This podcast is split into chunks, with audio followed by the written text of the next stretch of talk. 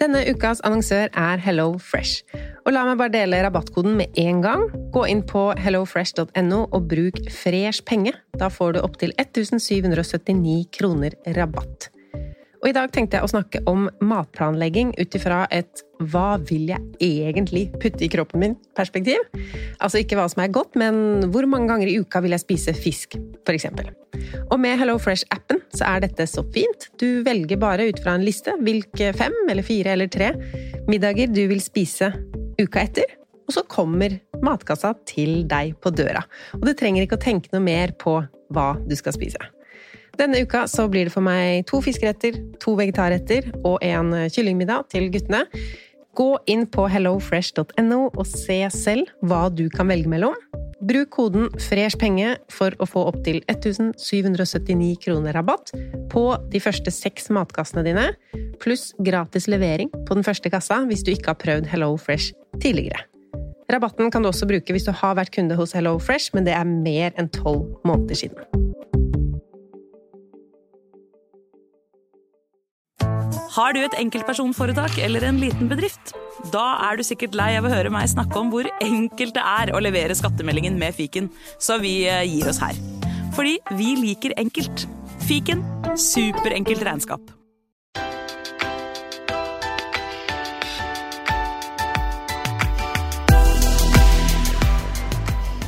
Velkommen til Pengesnakk podkast. Jeg heter Lise Wermelin Christoffersen, og jeg har to barn som begge var investorer mens de enda var babyer. Men samtidig ikke. Det skal jeg snakke litt uh, om seinere. Temaet i dag er uh, hvorfor og hvordan, hvorfor ikke, hvor, hvor mye, til hva, og alt mulig annet jeg har uh, tenkt på rundt dette med sparing til barn.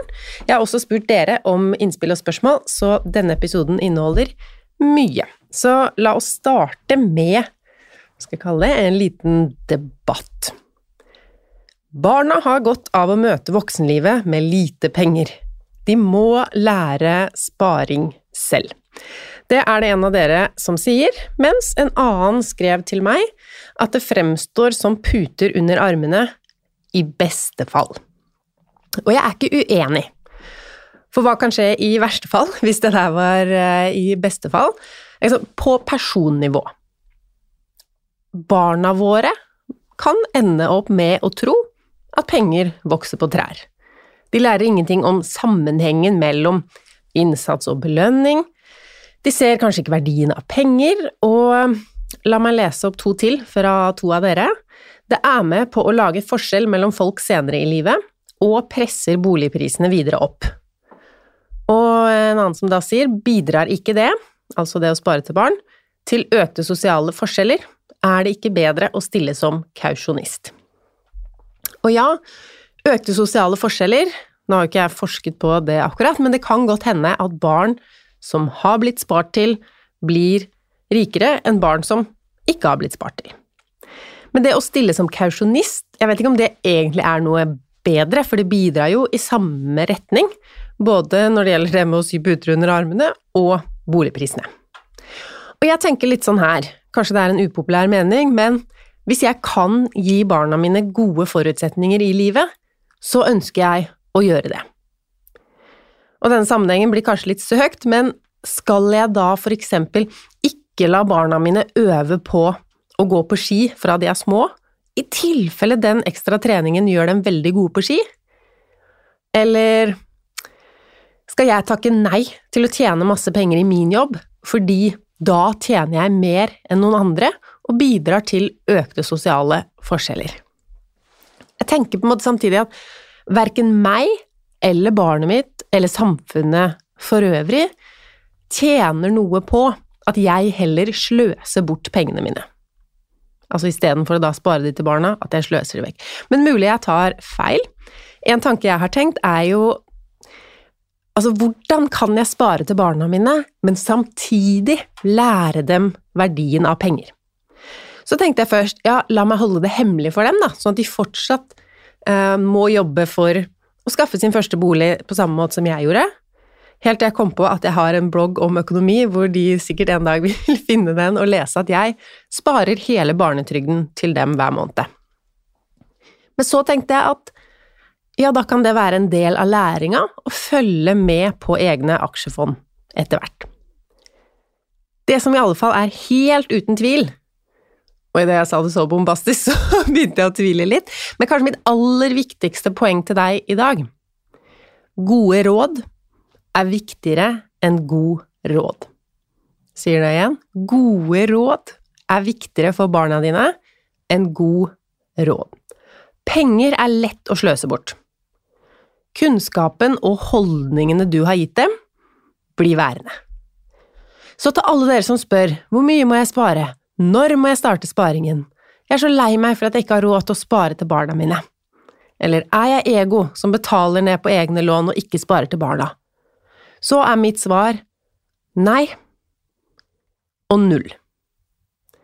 For la oss si at målet vårt er at barna våre skal bli millionærer, som jo ikke bør være noens primære mål, men som vi vet, det ligger mye muligheter og frihet i penger om de blir brukt riktig. Så la oss da si vi skal ha millionærer som er fornøyde med livet når de er eh, 35, som jeg er nå. Vi vet ikke om den som får en halv million på 18-årsdagen, er en fornøyd millionær når enda 18 år har gått. Og vi vet ikke om den som dro hjemmefra med null i lommeboka, ikke er rikere og gladere. Nå angrer jeg på at jeg dro inn hjem og være fornøyd, la oss holde det til penger. Men tenk da, Norge. Det er gratis å studere. Jeg studerte sammen med noen som fikk penger hjemmefra hver måned for å klare seg under studiet. De satt ikke igjen med noe bedre resultater eller mer penger etter endt utdanning. De brukte mer penger under studiet, ja, men kanskje det heller hadde motsatt effekt. Jeg mener jo det at å jobbe ved siden av studiet har vært kjempebra for meg. Man lærer bedre tidsstyring, man skal få tid til både skole og jobb og sosiale ting. Eh, lære mer om penger, bare det hva er en lønnsslipp, hvordan fungerer det med utbetaling, hvor mye tjener man egentlig på denne jobben, timeslønn, eh, og at man må jobbe ganske mye for å få nok penger. Og så er det en stolthet som følger med det, stoltheten av å klare seg selv. Og etter hvert når man skal søke jobber, så har man noen referanser.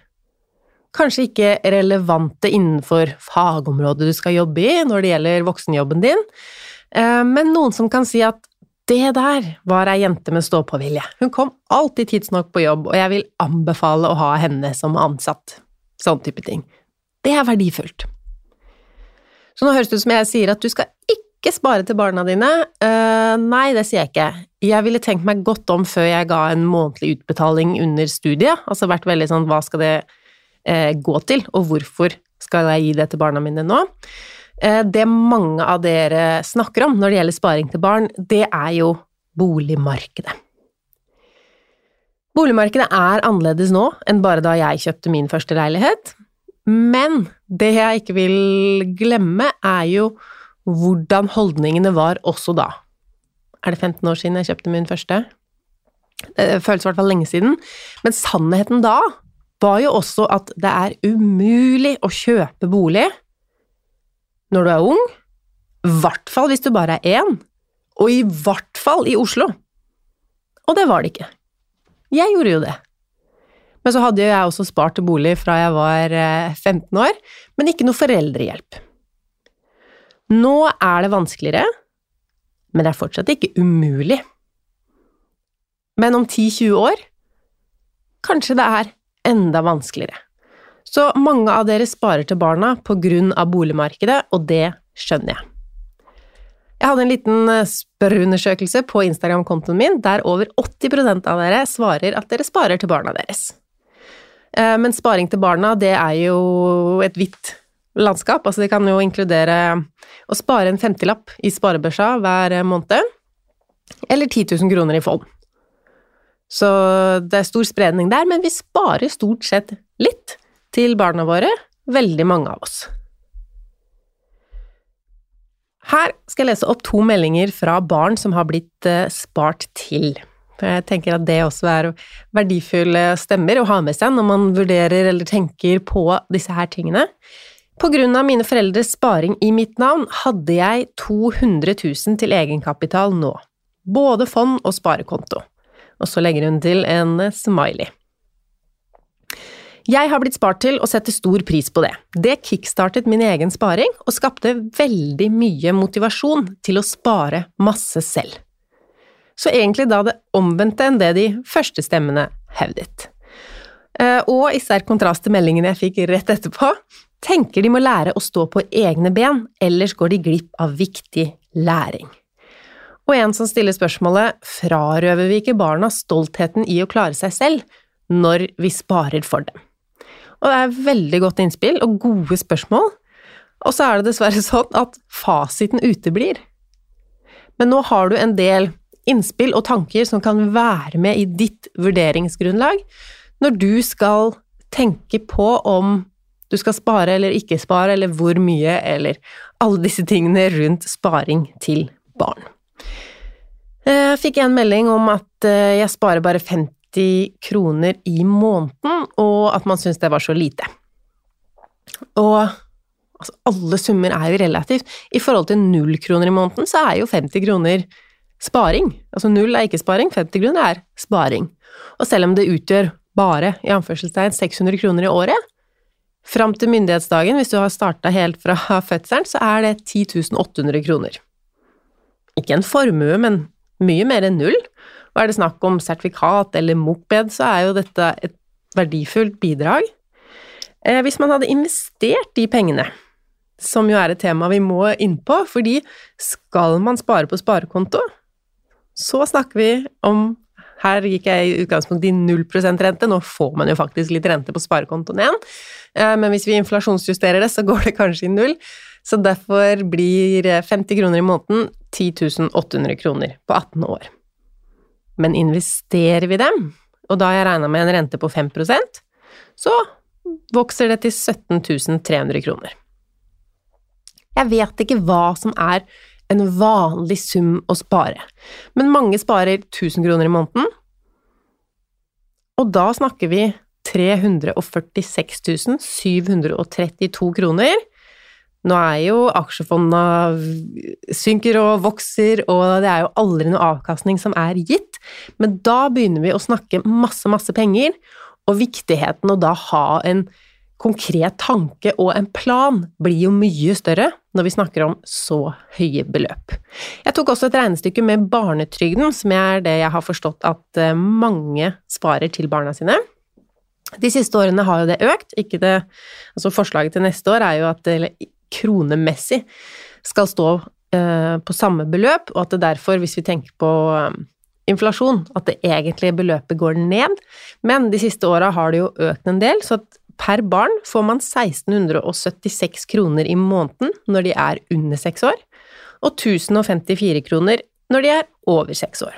Så jeg har en i hver kategori der nå. Hvis man sparer de beløpene jevnt og trutt i 18 år, og jeg holder meg til 5% avkastning i aksjemarkedet. Noen sier jo 10 eller 7, noen kanskje sier at nå må vi belage oss på at det er under. Um, så det er vanskelig å si. 5% kan være både før skatt og etter skatt, det vet man ikke, men vi regner med 5% avkastning i regnestykket her. Da er det først de fem, første fem åra med 1676 kroner hver måned. Da har vi etter seks år 140 000, og så sparer vi de 1000 og noe derfra er vi oppe i 460 000 kroner på 18-årsdagen. Er du en av dem som sparer barnetrygden eller vurderer det?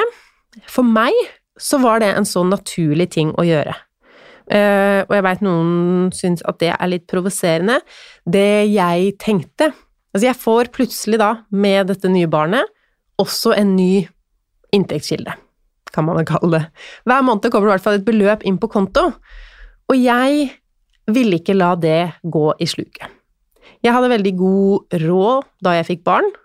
Altså veldig god råd. Jeg hadde vanlig god råd, og hadde tenkt at jeg må ha alt mulig på plass før jeg får barn. Altså hadde jobb, hadde hatt jobben så lenge uh, at jeg hadde krav på svangerskapspenger eller foreldrepenger. Um, at jeg ikke lenger var et vikariat, så jeg visste at jeg hadde en jobb å gå tilbake til. Så alt var på en måte på, på stell når det gjaldt økonomien. Og jeg oppdaget tidlig at småbarn koster ikke noe særlig. Og innkjøp til babyen kosta heller ikke noe særlig for meg. Så de pengene ble spart. Jeg ville ikke la de pengene bare bli borte i livsstilsinflasjon. At jeg fikk mer penger inn, begynte å bruke mer penger.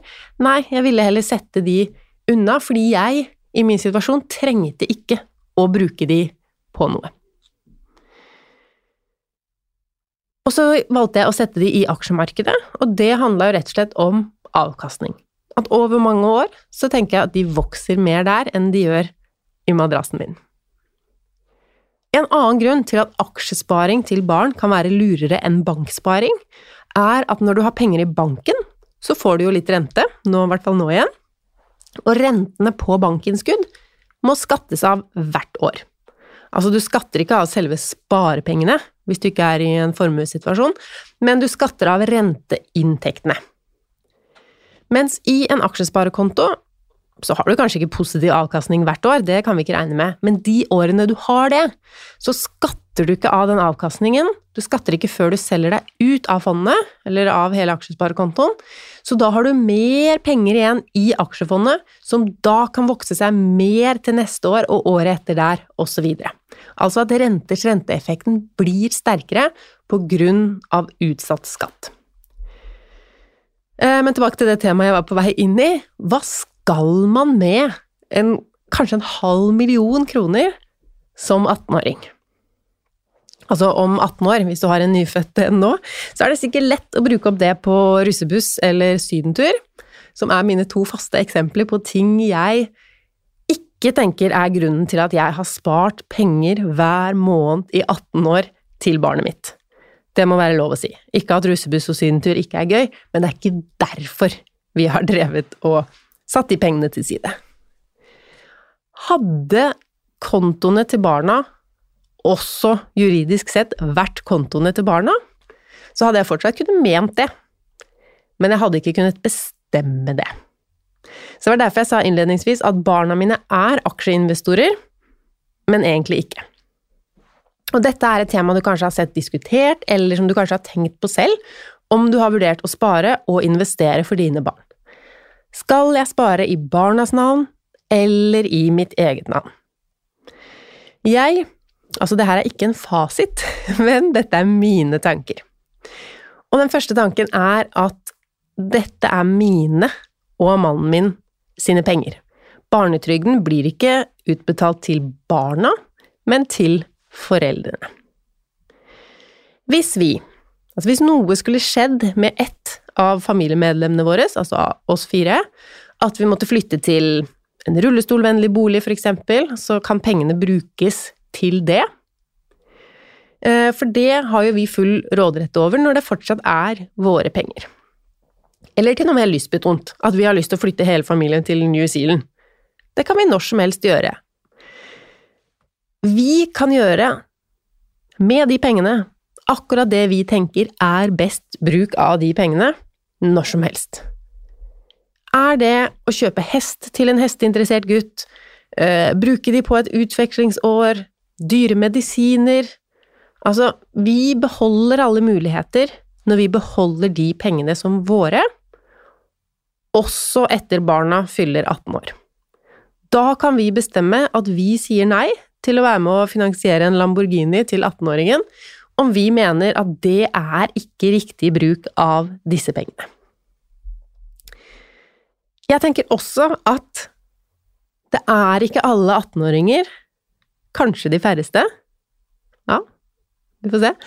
Eh, det er ikke alle 18-åringer som har forutsetningene for å bruke disse pengene på en måte som de, eller ikke bruke disse pengene på en måte som de, eh, la oss si ti år etter, tenker er riktig. Så vi passer på de pengene, vi eier de pengene, og vi kan, om vi mener det er riktig, eksempel gi dem når de skal kjøpe seg bolig. Det er jo det de fleste foreldre tenker på med sparingen. Jeg er jo fortsatt ikke enig i at det er umulig å komme seg inn på boligmarkedet uten foreldrenes hjelp, og derfor mener jeg også at en sånn pengesum ikke er det beste du kan gi barna dine økonomisk som vi var inne på, men som jeg nå kom til i notatene mine også, det beste du kan gi barna dine økonomisk, det er ikke kroner og øre, men kunnskap. Holdninger, informasjon om penger, viser barna dine at små valg i den ene, altså positiv og negativ retning, får konsekvenser. Og da blir jo også konsekvensene positive eller negative, og forsterket over tid. Snakke med barna om prioriteringer, valg, alternativkostnad. Altså, velger du å kjøpe deg dette legosettet, så velger du bort de hestefigurene du hadde lyst på i stad. Altså, velger du å kjøpe sukkerspinn, så har du valgt bort is.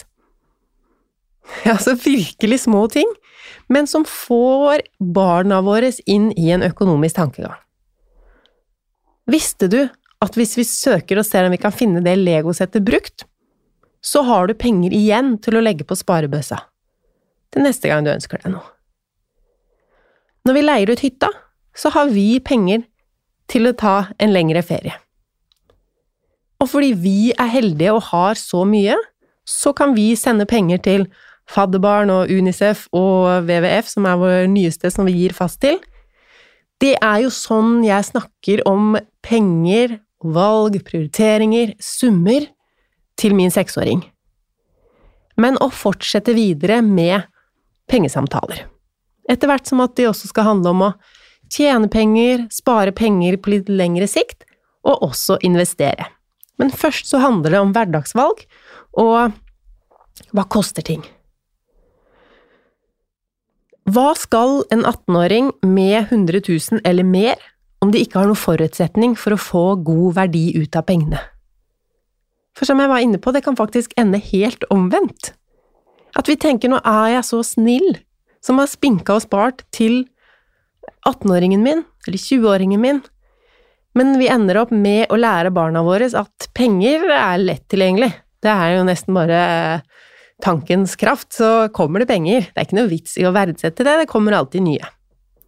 En holdning som kanskje fungerer for visse, men og når jeg sier at man skal verdsette penger, så betyr jo det heller ikke at man skal tilbe penger og leve som om det eneste viktige i verden er å ha mest mulig penger, men at de skal forstå, allerede som ungdommer i hvert fall, kanskje til og med barn òg, forstå hvordan det er å styre en økonomi. Hva gjør jeg når jeg har penger mellom henda? Hvordan skal jeg tenke? Hvor langt fram skal jeg tenke? Og omvendt, hva skal jeg gjøre i en situasjon der jeg trenger penger? Så mitt personlige valg er å spare til barna, men jeg sparer de i mitt navn, og det er faktisk vi voksne sine penger, og vi kan bestemme når og hvordan, og til og med til hva. Finnes det noen argumenter for å spare i barnas navn? Vi har jo valgt å ikke gjøre det, men det er noen argumenter for å spare i barnas navn også. Tidligere, og kanskje i framtiden også, så er arveavgift kanskje den største grunnen der. At hvis du sparte i ditt eget navn, det som egentlig skulle være barnas penger, når du da velger å gi det, så kommer det en ekstra skatt på de pengene som man ville sluppet unna hvis barna hadde de pengene hele tiden. Og øhm, hvis det er et samlivsbrudd Nå kjenner jeg ikke disse juridiske reglene um, helt, men la oss si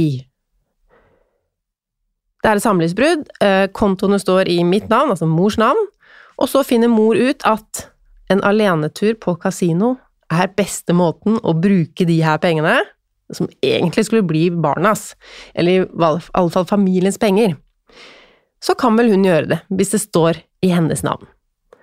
Jeg tror det hadde vært lovbrudd om pengene sto i barnas navn, så derfor er det noen fordeler med å ha pengene i barnas navn også. Kanskje også for du som vet at du er impulsiv og kan øh, ta i bruk disse pengene. Altså du sikrer at de er barna sine, og det kan være enklere for hvis besteforeldre vil gi penger, eksempel, så vil de nok kanskje foretrekke at det står i barnas navn, ikke foreldres. Bare en tanke. En annen ulempe med å ha pengene i barnas navn, så nå er jeg på den andre siden igjen, det er to ulemper med å ha pengene i barnas navn, i tillegg til det her med hvem eier pengene og får de råderett over de når de er 18 år, er det det du egentlig vil med pengene du har spart? Um, da handler det om formuesbegrensninger i Lånekassen og det som heter overformynderi. La oss ta Lånekassen først. 454 075 kroner. Det er grensa akkurat nå. Den øker jo litt fra, for år til år, men har du mer enn det på konto, så får du fortsatt ta ut studielån. Så under studiet vil man ikke merke noe til egentlig den formuesbegrensningen. Det som skjer, er etter studiene, når man skal betale det her tilbake, så er det jo vanlig at mye omgjøres til stipend, eller en stor del.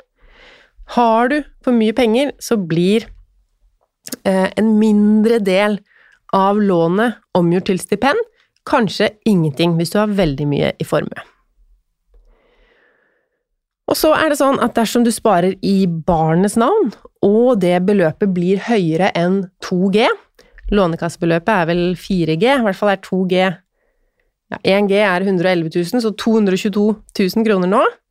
Da kan overformynderiet involvere seg, og det er jo for å sikre at pengene ikke tas ut av eh, foreldrene og brukes på ting som ikke er i barnets interesse, som jo egentlig er en bra ting.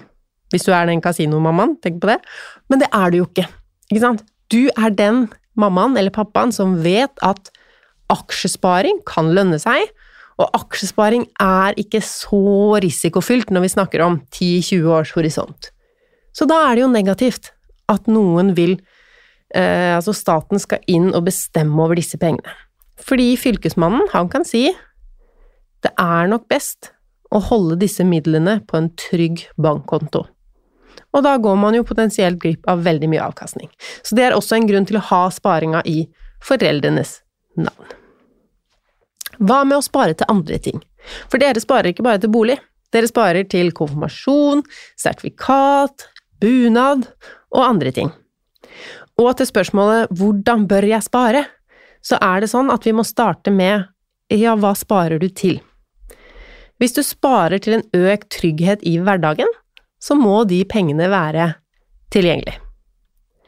Begynner du å spare til konfirmasjonsfeiring eller sertifikat noen år før det skal skje, som jo er eh, smart hvis du skal betale alt eh, for sertifikatet, det er jo en annen diskusjon, så er det også sparekonto som ville vært mitt førstevalg for de sparingene.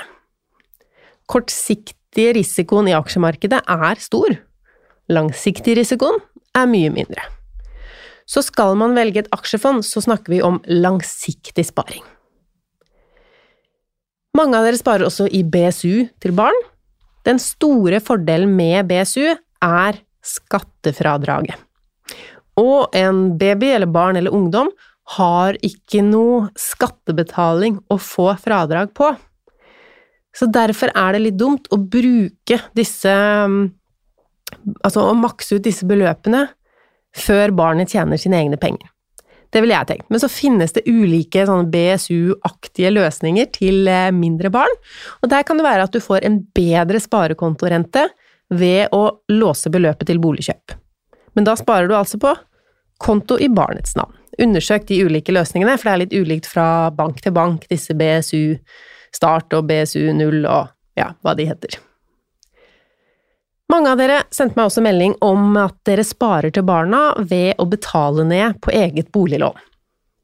Og det kan hende du gjør det, men la meg da spørre, er det sånn at du da har tenkt jeg vil spare 300 kroner i måneden til barnet mitt, hvordan gjør jeg det på best mulig måte, eh, og har landet på at å øke innbetalingen på eget boliglån med 300 kroner i måneden per barn fordi du anser at avkastningen der er høyere enn den du får på konto, og at du på den måten sparer til barnet i egen bolig? Eller mener du jeg sparer ikke til barna, men de skal jo arve meg en dag?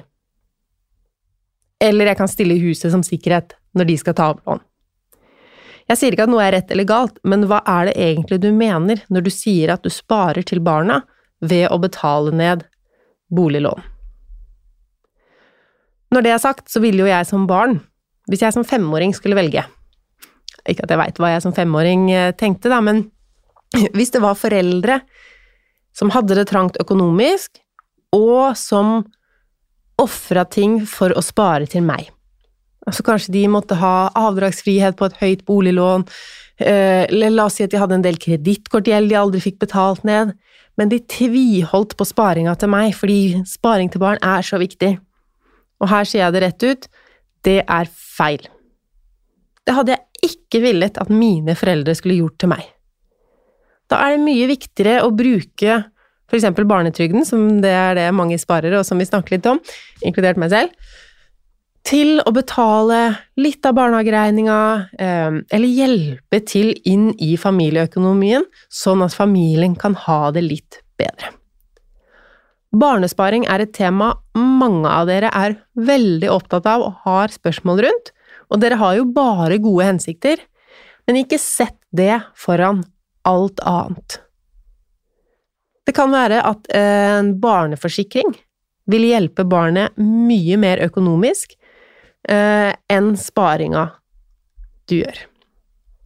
Jeg ble også spurt av mange om å anbefale et fond, og det fins jo altså, så mange ulike fond å velge mellom.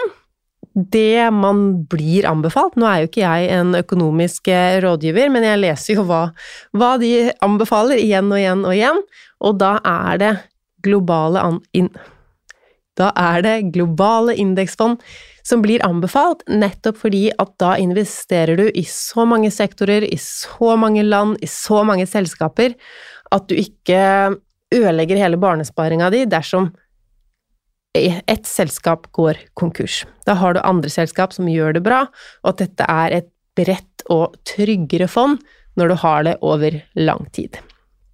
Det fins jo også rentefond, for deg som tenker at jeg vil ikke investere barna mine sine penger i aksjemarkedet, så kan du lese deg litt opp på rentefond. Man forventer jo en lavere avkastning der, men risikoen er jo også lavere.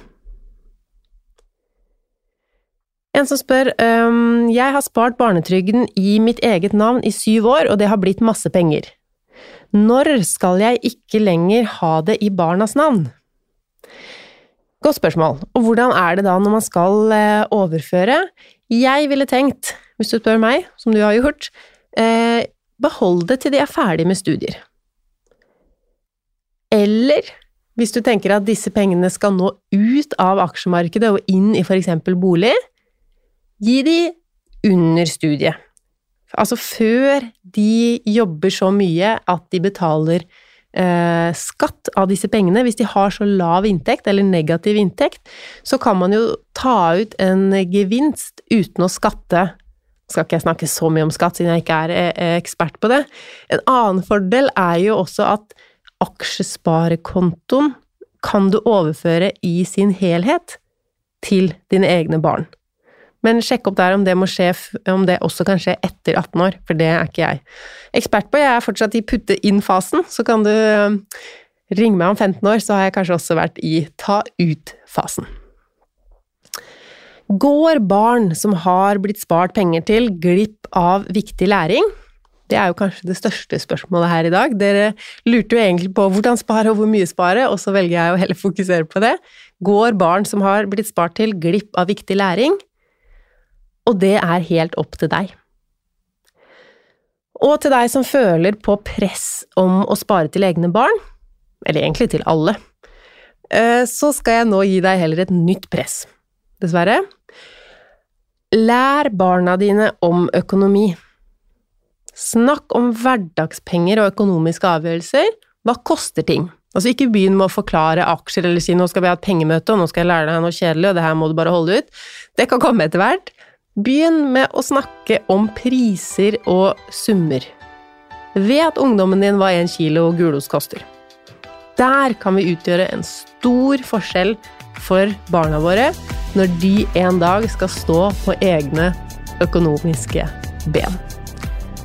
Takk for at du hørte på Pengesnakk podkast i dag. Inntil eh, neste gang så snakkes vi på sosiale medier. Vi har Facebook-gruppa vår, Pengesnakkerne, kan du melde deg inn og diskutere penger med Kanskje du har noen innspill på dette med sparing til barn som jeg ikke har vært innom. Kan vi ta diskusjonen videre der? Og du kan følge meg på Instagram og TikTok. Der heter jeg Pengesnakk.